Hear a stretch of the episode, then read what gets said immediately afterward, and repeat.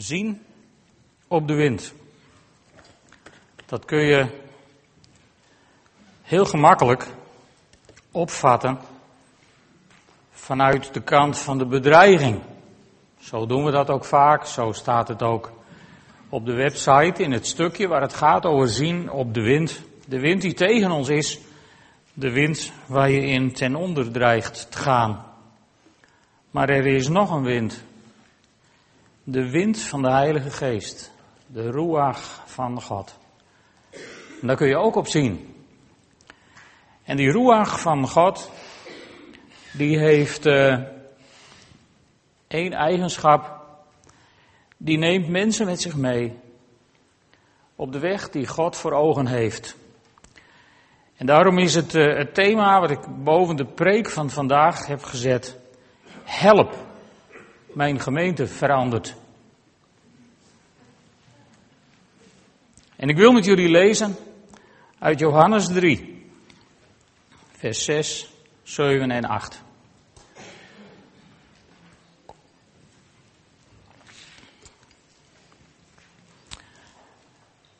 Johannes 3 voor de Bijbelkenners, uh, die realiseren zich waarschijnlijk direct dat het het verhaal is waar Jezus praat met Nicodemus. En dan zegt Jezus een paar dingen. Ja, hij zegt wel meer, maar. Wat geboren is uit een mens, is menselijk. En wat geboren is uit de geest, is geestelijk. Wees niet verbaasd dat ik zei dat jullie allemaal opnieuw geboren moeten worden. De wind waait waarheen hij wil. Je hoort zijn geluid, maar je weet niet waar hij vandaan komt en waar hij heen gaat. Zo is het ook met iedereen die uit de geest geboren is.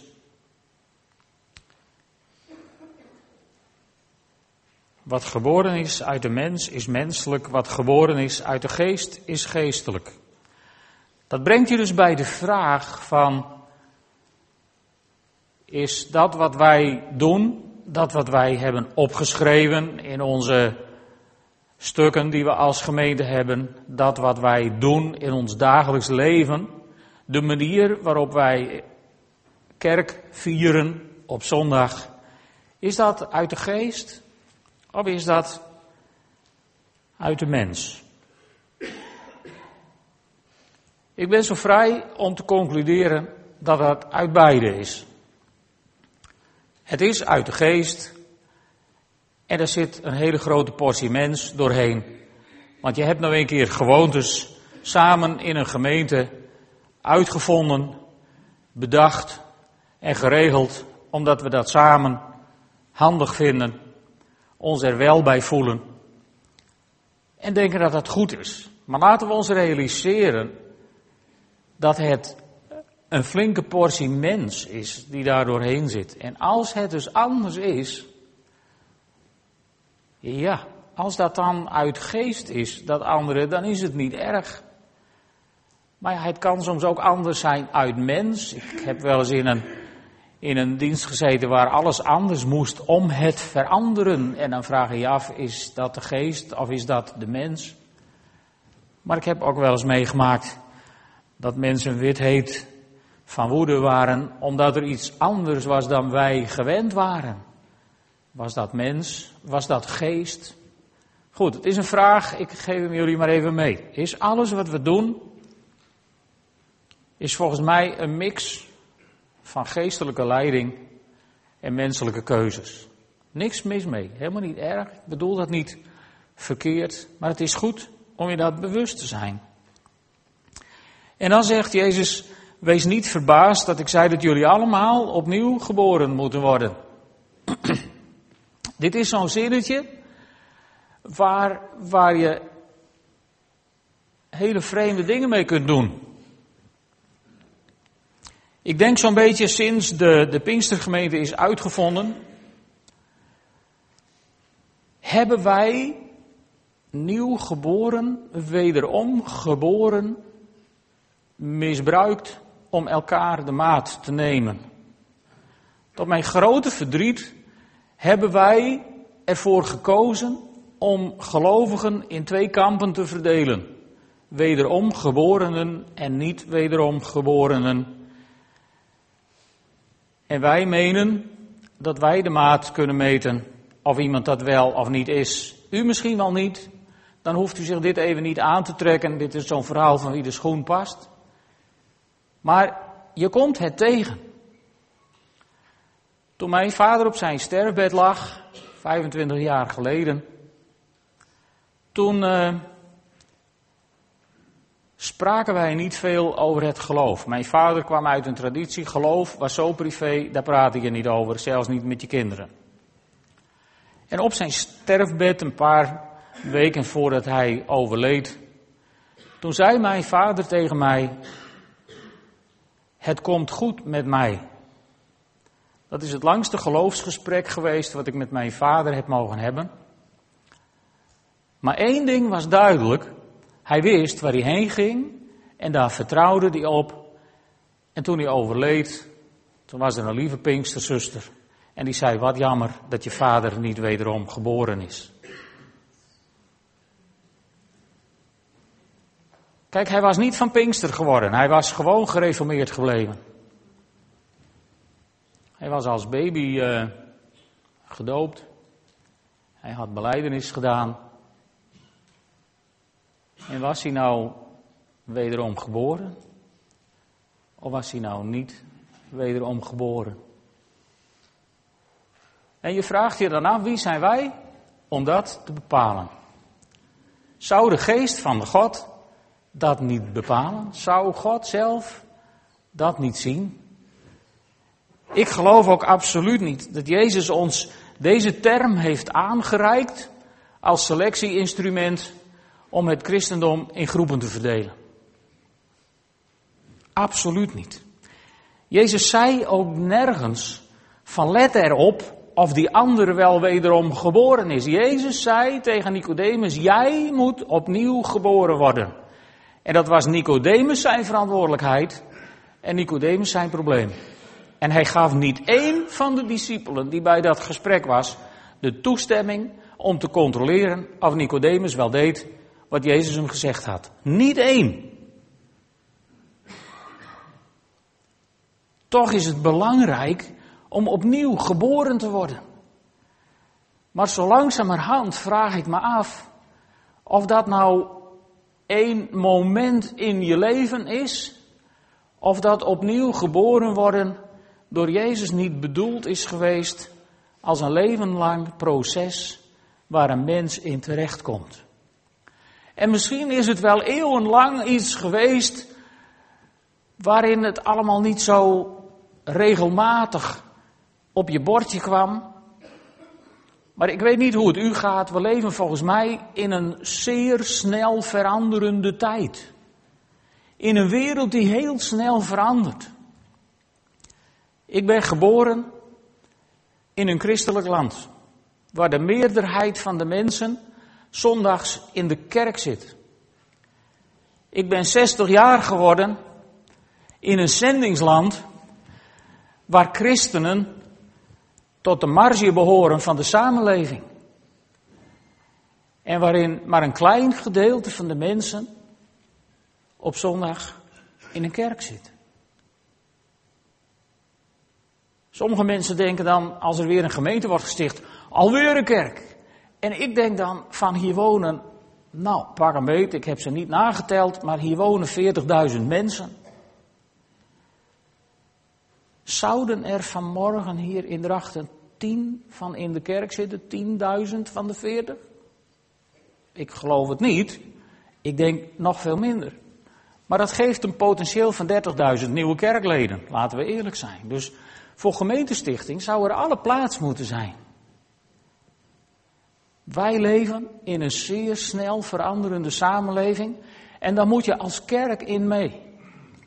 Van de week hadden we bestuursvergadering en toen vertelde Klaas over een kleine PKN-gemeente in Nederland. En die was op sterven na dood. Er waren nog dertig mensen die moesten kiezen wie het licht uit zou doen. En toen besloten ze op een avond om te zeggen van we gaan zondag een dienst houden en iedereen brengt één persoon mee die niets heeft met een kerk. Dus niet iemand uit een andere kerk geplukt, nee. En wonderlijk, maar dat deden ze alle dertig. Dus kennelijk was dat een actie van God. En, en laten we eerlijk zijn, als je met dertig geoefende kerkgangers in één keer dertig totale analfabeten op het christelijk erf op bezoek hebt, dan ziet je dienst er anders uit dan je gewend bent.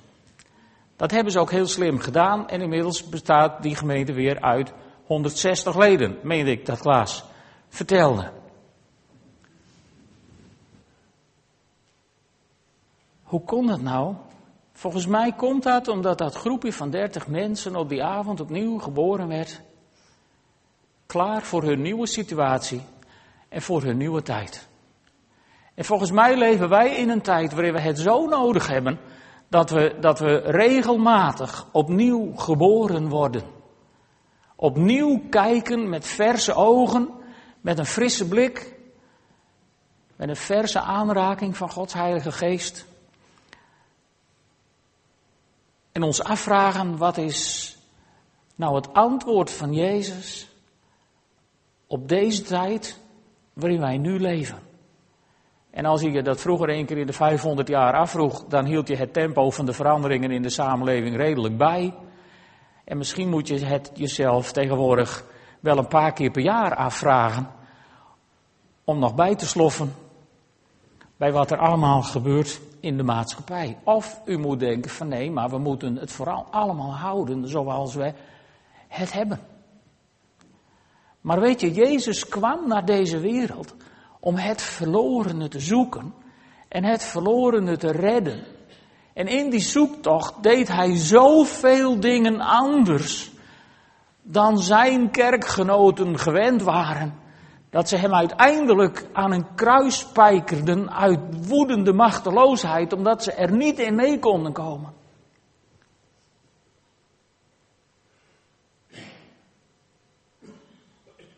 Opnieuw geboren worden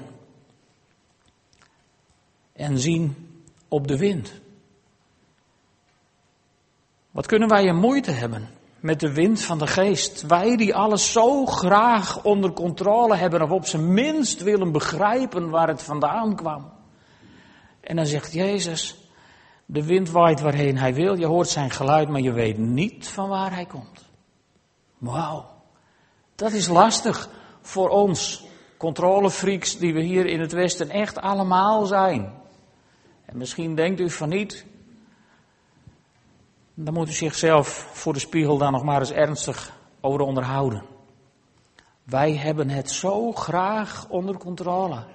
En dan moeten wij zien op de wind, de ruach, de geest van God, niet wetend waar hij vandaan komt. En nog veel erger, ook niet wetend waar hij heen waait. Wil je dat wel? Die wind in je leven. Wil je die aanraking van de geest van God? Want het zou best kunnen zijn dat de geest van God je meeneemt op een weg van voortschrijdend inzicht. Waardoor je misschien wel eens moet denken over dingen die we in het verleden hebben bedacht. Van hebben we dat nou wel zo goed gedaan? Ook in je persoonlijke leven. Dat je misschien overtuigingen moet heroverwegen. En goed naar de stem van God moet luisteren. Heere, wat zou u doen in deze situatie, met deze persoon, met deze kwestie? Jezus, wat zou u nou voor keuze maken? En ik weet niet hoe het u gaat, maar als ik in de Bijbel lees, dan maakt Jezus revolutionaire keuzes revolutionaire keuzes. Kijk maar eens met me mee zometeen. Want wij zijn ook op zo'n weg, weet je.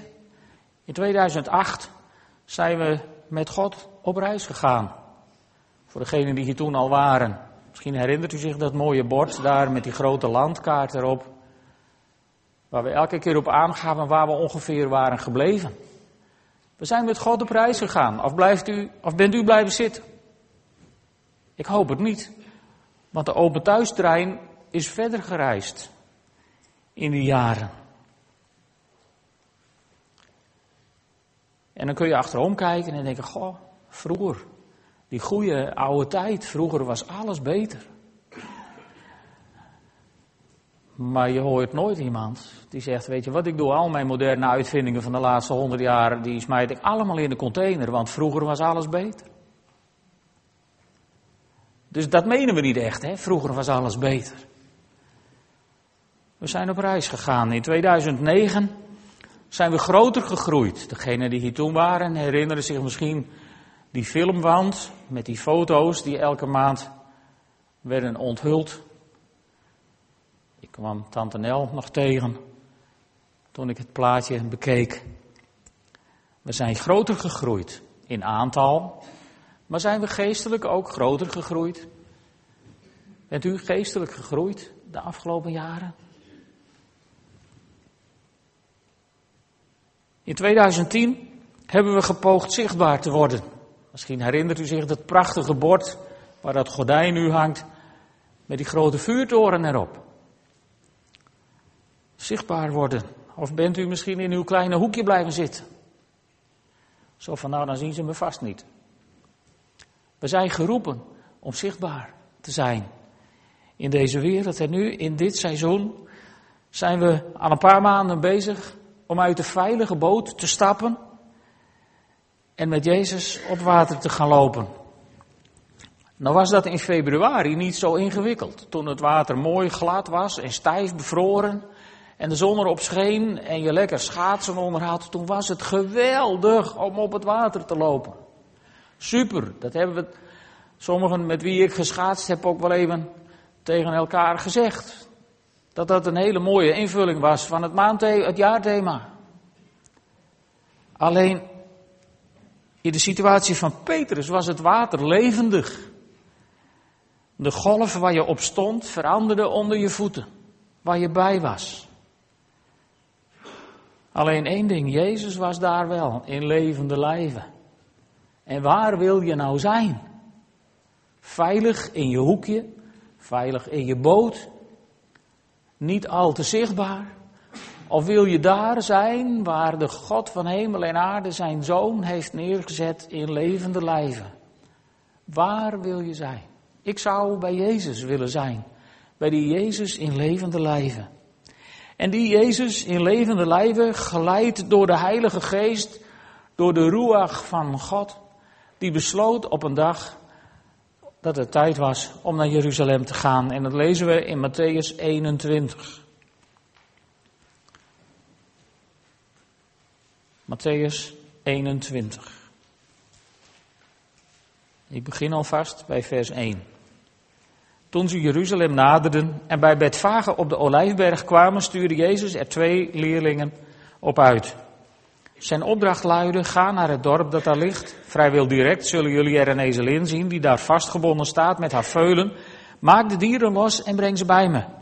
En als iemand jullie iets vraagt, antwoord aan, de Heere heeft ze nodig. Dan zal men ze met één meegeven. Dat is gebeurd opdat in vervulling zou gaan wat er gezegd is door de profeet. Zegt tegen Sion, kijk, je koning is in aantocht. Hij is zachtmoedig en rijdt op een ezelin en op het veulen het jong van een lastdier. Zijn leerlingen gingen op weg en deden wat Jezus hun had opgedragen. Ze brachten de ezelin en het veulen mee, legden er mantels op en lieten Jezus daarop plaatsnemen. Vanuit de menigte spreidden velen hun mantels op de weg uit. Anderen braken twijgen van de bomen en spreidden die uit op de weg. De talloze mensen die voor hem uitliepen en achter hem aankwamen, riepen luidkeels, Hosanna, de zoon van David. Gezegend hij die komt in de naam van de Heer. Hosanna in de hemel. Toen hij Jeruzalem binnenging, raakte de hele stad in rep en roer. Wie is die man, wilde men weten. Uit de menigte werd geantwoord, dat is Jezus, de profeet uit Nazareth in Galilea. Jezus ging de tempel binnen. Hij joeg iedereen weg die daar iets kocht of verkocht, gooide de tafels van de geldwisselaars en de stoelen van de duivenverkopers omver en riep hun toe, er staat geschreven, mijn huis moet een huis van gebed zijn, maar jullie maken er een rovershal van. Toen kwamen er in de tempel blinden en verlamden naar hen toe en hij genas hen. De hoge priesters en schriftgeleerden zagen welke wonderen hij verrichtte en hoorden de kinderen in de tempel Hosanna voor de zoon van David roepen en ze waren hoogst verontwaardigd. Ze gingen hem vragen, hoort u wat ze zeggen? Jezus antwoordde, jazeker. Hebt u dan nooit gelezen door de mond van kinderen en zuigelingen? Hebt u zich een loflied laten zingen? En zo liet hij hen staan en hij ging de stad uit naar Betanië, waar hij de nacht doorbracht. Dat is eigenlijk het verhaal voor volgende week en dan gaan we daar ook zeker wat mee doen, Palmpasen. De geest besluit om naar Jeruzalem te waaien. En iedereen roept Hosanna, zolang hij doet wat ze willen. En als hij dan keuzes maakt die niet hun keuzes zijn, en dingen doet die ze niet willen, dan is het een week later kruisig hem. En dan lezen we in vers 12 dat Jezus de tempel ingaat. Alles wat volgens ons zo hoort, jaagt hij eruit. Want weet je, het was zo handig geregeld in die tempel.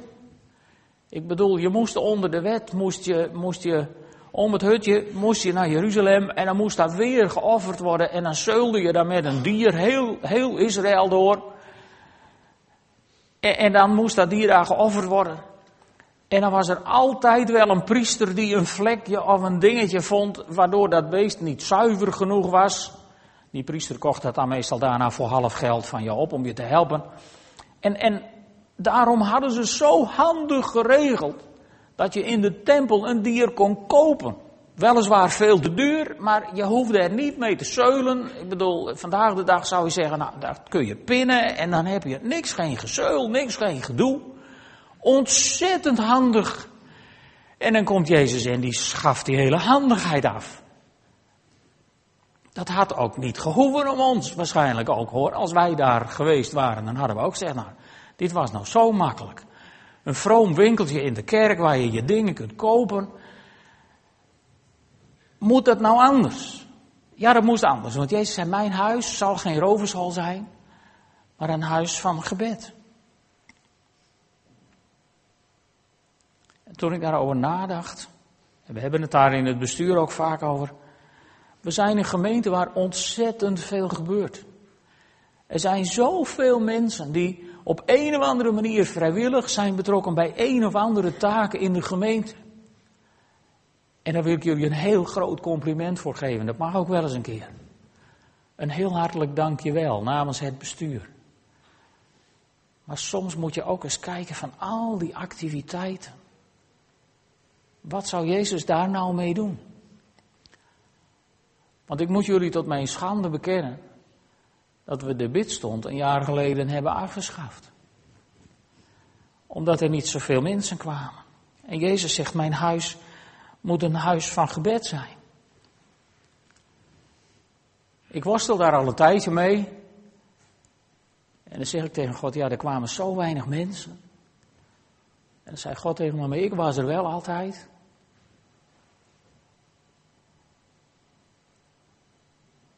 En dan zegt God ook tegen je, als ik jou roep om te komen bidden, betekent dat niet dat jij alle andere mensen boos moet aankijken omdat ze niet komen om te bidden.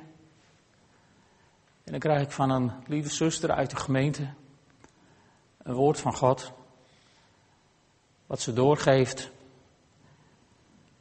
waarin we ook worden aangespoord om weer te gaan bidden.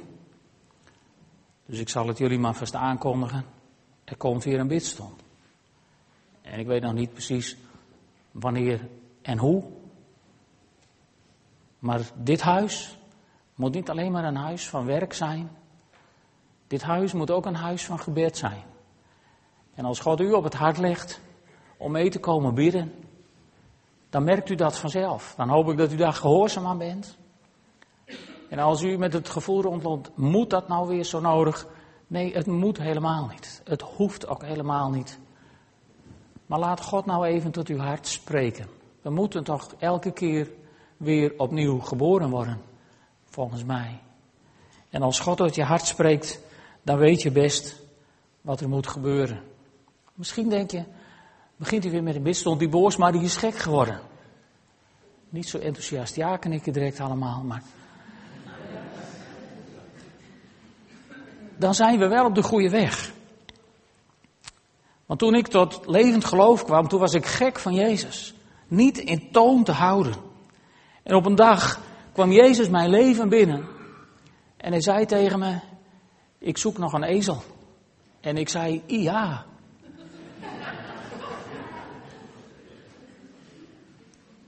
En sinds die tijd ben ik verkocht. Ik kan er ook niks aan doen. Verslingerd aan Jezus.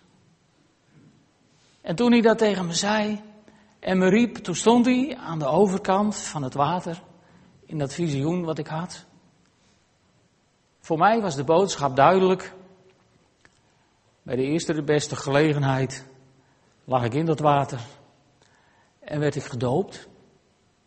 Ik was als kind ook al gedoopt. En ik wist absoluut niet hoe ik dat mijn ouders moesten uitleggen. Die waren ook in alle staten. En ik ben altijd heel jaloers als ik hier doopdiensten meemaak waar ouders aanwezig zijn, want mijn ouders waren er uit principe niet. En toch is het later goed gekomen tussen ons. Jezus riep mij en hij nam mij mee door het waterbad van de doop om opnieuw geboren te worden. En als je regelmatig opnieuw geboren moet worden, wij zijn dat niet gewend. Maar dan zou je je kunnen voorstellen dat bij elke nieuwe geboorte een waterbad was. En de Joden in de tijd van Johannes de Doper, die kenden dat ritueel, die kenden dat principe. Want Johannes de Doper riep van je moet je bekeren en je moet een nieuwe start maken. En ze lieten zich door Johannes dopen in de Jordaan. En later kwam Jezus. En die zei hetzelfde tegen de mensen. En ze lieten zich dopen in de Jordaan. En later komt Petrus met de preek van zijn leven op de Pinksterdag. En die zegt, je moet je bekeren en je oude leven afleggen en opnieuw beginnen. En weer gaan ze door het waterbad. En ik pleit daarmee niet voor een herhaald doopritueel, absoluut niet. Maar aan de andere kant, mijn Bijbel zegt nergens dat je maar één keer in je leven gedoopt mag worden. Mijn Bijbel zegt elke keer van, als je je bekeert en opnieuw wilt beginnen, dan kun je achter Jezus aan en die weg gaat door het water. Ik hoop dat Jezus heel binnenkort ook bij jou langskomt en zegt, hé, hey, ik zoek nog een ezel.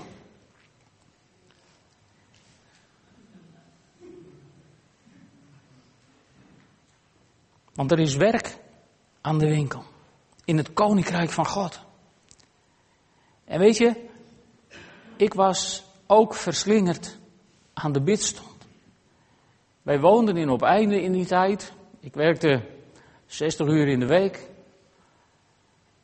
Als directeur van een bedrijf. En op vrijdagavond was er bidstond in Zwaagwesteinde. Om 7 uur. Ik herinner me dat ik meestal thuis kwam zo om zes uur. En dan had Geertje het eten op tafel. Dus dat was aankomen, rennen uit de auto, hapslik eten, rennen onder de douche, rennen je verkleden, rennen weer in de auto. En reizen naar Zwagenstein. En dan was daar het uur van gebed. Onder de douche had ik het zweet van de werkweek van me afgespoeld. En in dat uur van gebed dan spoelde de hele sores van al dat zakelijke gedoe, dat spoelde van me af. En het was voor mij het hoogtepunt van de week. Goed, dat zal mijn storing zijn en die hoeven jullie niet allemaal te hebben. Maar ik ga weer bidden. En als je mee wilt doen, let goed op het weekbericht, want dan ben je van harte welkom. En als God het niet op je hart legt, of je zegt van maar ik bid in een andere groep of in een andere setting. Blijf dat vooral doen en offer dat in hemelsnaam niet op aan wat we nu, waar ik het nu over heb.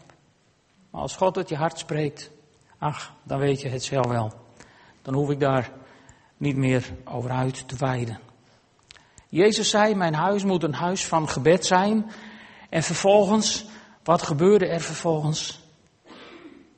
De zieken kwamen tot hem, de blinden kwamen tot hem, er werden mensen genezen.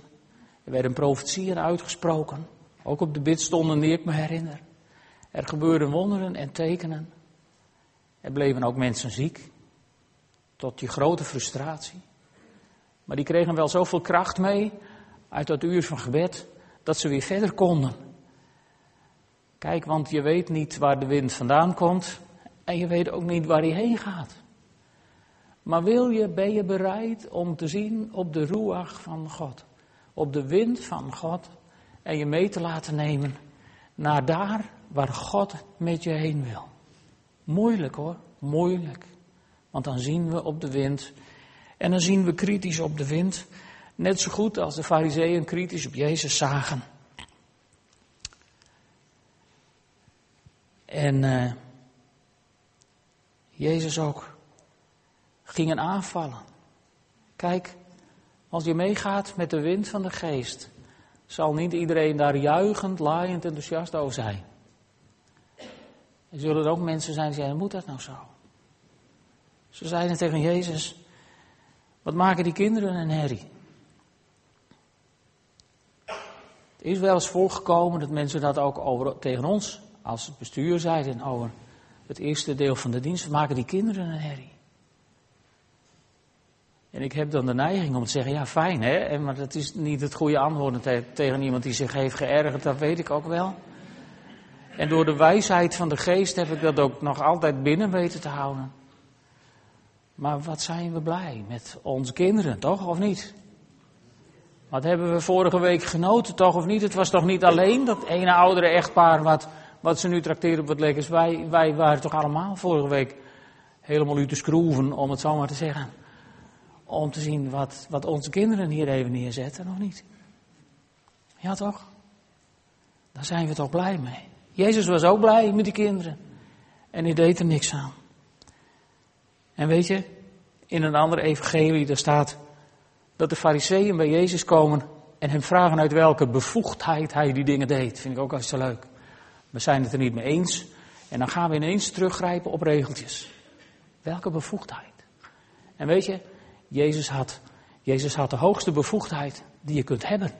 Want mijn Jezus is de enige geboren zoon van de levende God. En als iemand het recht heeft om de baas te spelen in de kerk, is het toch de zoon van de baas, of niet? Zullen we die zoon van de baas aanroepen? Zullen we samen bidden? Mag ik jullie vragen op te staan? Vader God, ik wil u prijzen omdat u ons uw zoon hebt gegeven. Uw zoon die zo tegen de draad in was. Omdat hij uw wil kwam doen op deze wereld.